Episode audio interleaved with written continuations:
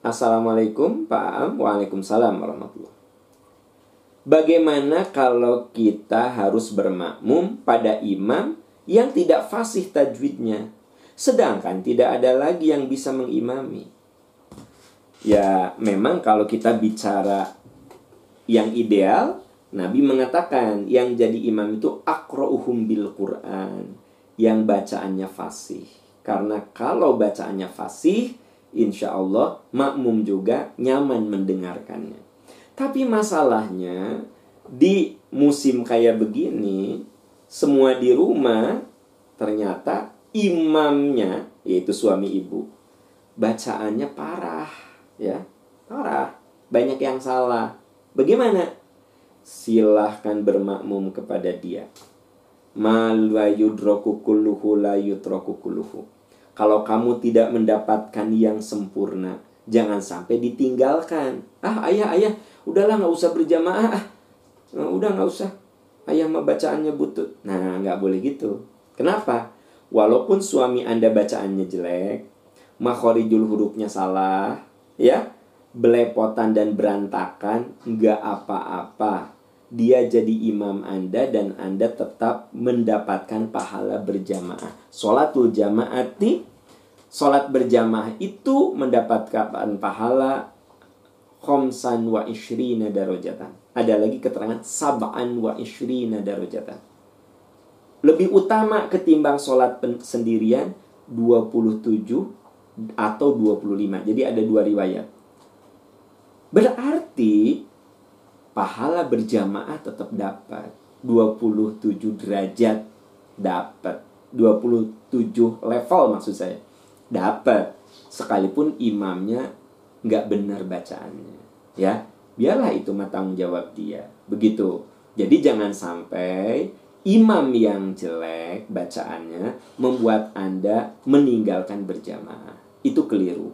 Ma la yudroku kulluhu la kalau kamu tidak bisa mendapatkan yang sempurna secara utuh, maka jangan ditinggalkan. Lakukan saja semampu yang kamu bisa. Begitu, ya. Nah, memang ada yang bilang, eh, tidak sah itu kalau sholatnya, bacaannya salah. Kalau menurut saya itu terlalu berlebihan.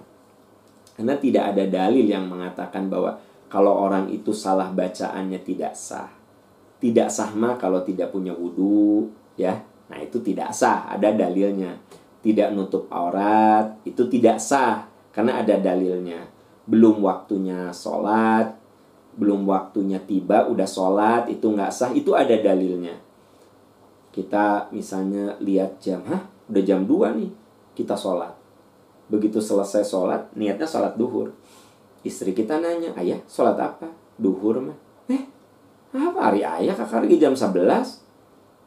Itu jam 2 Ih, itu mah jamnya. Mati. Nah berarti bapak kudu mengulangi lagi sholat. Tidak sah. Karena apa? Anda belum waktu udah sholat. Jadi yang tidak sah itu kalau waktu belum masuk anda sholat anda harus ulangi.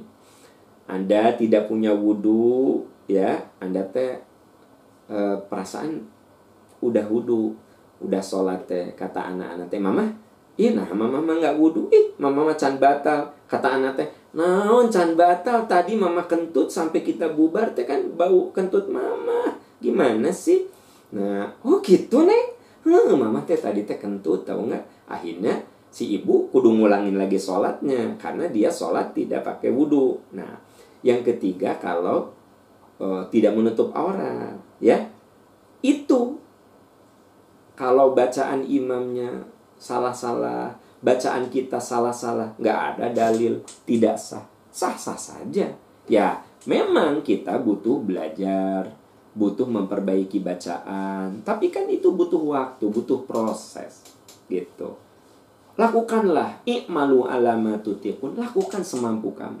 Lakukan semampu kamu karena menurut Al-Baqarah 286 la yukalifullahu nafsan illa. Allah tidak akan memberikan beban di luar kemampuan kita. Lakukan yang kita bisa sambil kita terus perbaiki diri, perbaiki diri, tingkatkan kemampuan kita supaya kualitas ibadah kita lebih meningkat. Ya. Wallahu a'lam bishawab. Itu jawaban saya.